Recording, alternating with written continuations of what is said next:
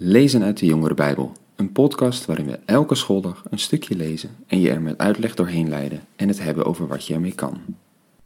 Ha jongens, leuk dat je weer luistert naar een nieuwe podcastaflevering.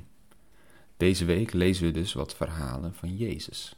Gisteren lazen we over de zaaier die iets zei over de boodschap van Jezus en hoe mensen daarop reageren. En vandaag gaan we verder in hetzelfde hoofdstuk. En dan zien we gelijk dat Jezus naast mooie verhalen en slimme uitspraken vaak heel cryptisch kan zijn. En je goed moet nadenken wat hij eigenlijk bedoelt. Laten we maar een stukje lezen. En we zijn ondertussen in vers 21 van Marcus 4. En hij, dat is dus Jezus, zei: Je pakt toch geen lamp om hem onder een korenmaat te zetten of onder het bed weg te bergen? Nee, je zet hem op een standaard. Alles wat verborgen is, moet openbaar worden gemaakt. En alles wat geheim is, moet aan het licht komen. Wie oren heeft om te horen, moet goed luisteren. Nou ja, het begint met iets heel logisch. Een lamp gebruik je om bijvoorbeeld je kamer te verlichten. Het heeft dan niet zoveel zin als je er een emmer overheen zet of die lamp onder je bed zet. Maar Jezus geeft hier natuurlijk geen advies van hoe je je lamp moet ophangen. Hij bedoelt hier iets mee. Maar wat? Direct hiervoor ging het over de zaaier, wat we dus gisteren lazen. Die zaad zaait. En dat stond voor Jezus die zijn boodschap doorgaf aan de mensen. Dit gedeelte gaat er eigenlijk op door. Als je de woorden van God ontvangen hebt, dan is dat als een licht in je leven. daar kennen we ook een liedje van. Het laat zien hoe de dingen zitten.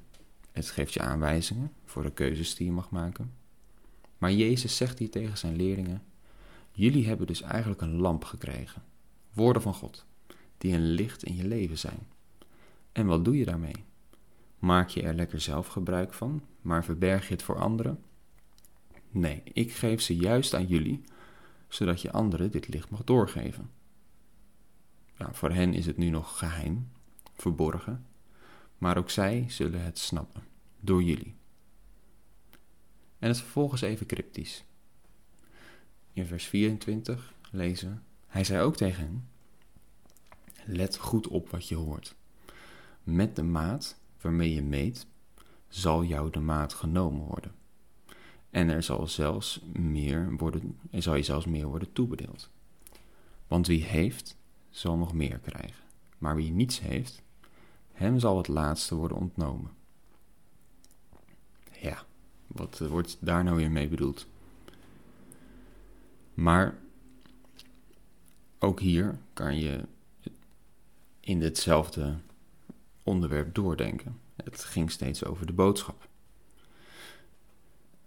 Als je dan doorgaat in die gedachten, dan kan je hier uithalen.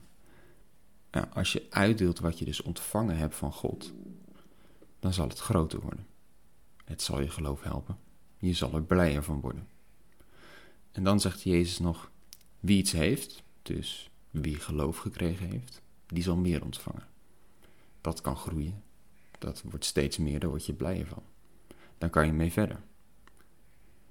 Wie het geloof niet gekregen heeft, nou, die heeft dat niet. En die zal juist in de toekomst het leven wat hij hier op aarde heeft ook een keer verliezen die heeft geen toekomstperspectief.